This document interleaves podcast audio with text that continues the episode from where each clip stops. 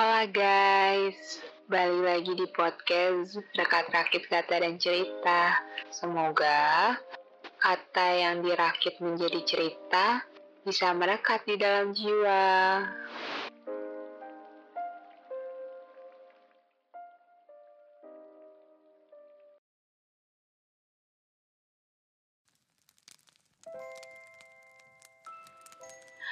Hola guys, apa kabarnya?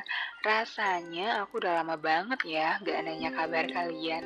Mungkin karena terlalu fokus sama si angkasa yang mikirin aku aja enggak kali ya. Gimana nih yang masih stay at home, tapi perasaannya udah mau get out from home? Yang udah dapet dambatan hati, tapi masih terasa fana karena gak tahu wujud aslinya gimana. Kalau kalian hubungannya sudah sampai mana? Sudah sampai fase sayang, tapi sayangnya belum bertemu? Digantung karena nggak tahu kapan diberi waktu untuk berjumpa hingga takut perasaannya hilang? Atau perasaannya ingin menyerah hingga akhirnya cuma bisa pasrah dan berserah? Hmm, oke, okay, aku mau cerita tentang dia yang menghampiri. Mungkin karena rasa penasaran. Rasanya baru saja kemarin dia datang dan mampir untuk mewarnai hari. Sekarang tiba-tiba berubah dan melipir pergi. Entah apa yang membuatnya berubah.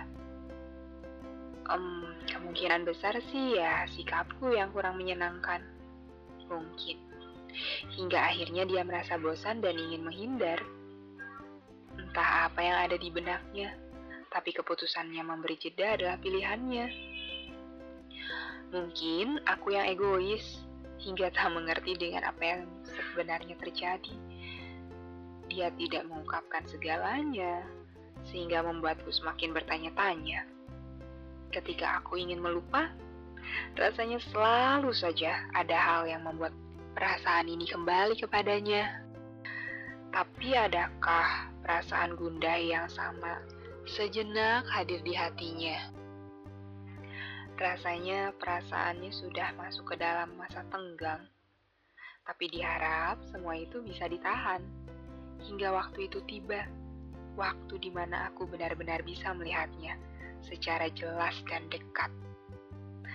Nanti akan ada dua pilihan entah perasaannya dapat diisi ulang, entah menjadi hangus tak terpakai. Nanti kalau sudah tiba waktunya, kalian mau gimana? Menyatakannya kah? Bersikap tetap biasa saja? Tetap keras hati, menyimpan rasa di dalam hati? Atau mencoba berpaling hati, meski sama-sama tahu sudah saling jatuh hati? Hmm, Ya, hati-hati saja. Takutnya menyesal karena terlambat mengungkapkan. Padahal dalam hati sungguh sayang, tapi lebih mementingkan ego dan gengsi yang ada. Jangan sampai lupa perjuangan waktu awal-awal. Tapi kalau dia nyatanya tak memiliki rasa yang sama, eh, itu sih eh, beda persoalan selagi masih ada waktu. Ya, silahkan berpikir dan merenung, memastikan lebih lanjut.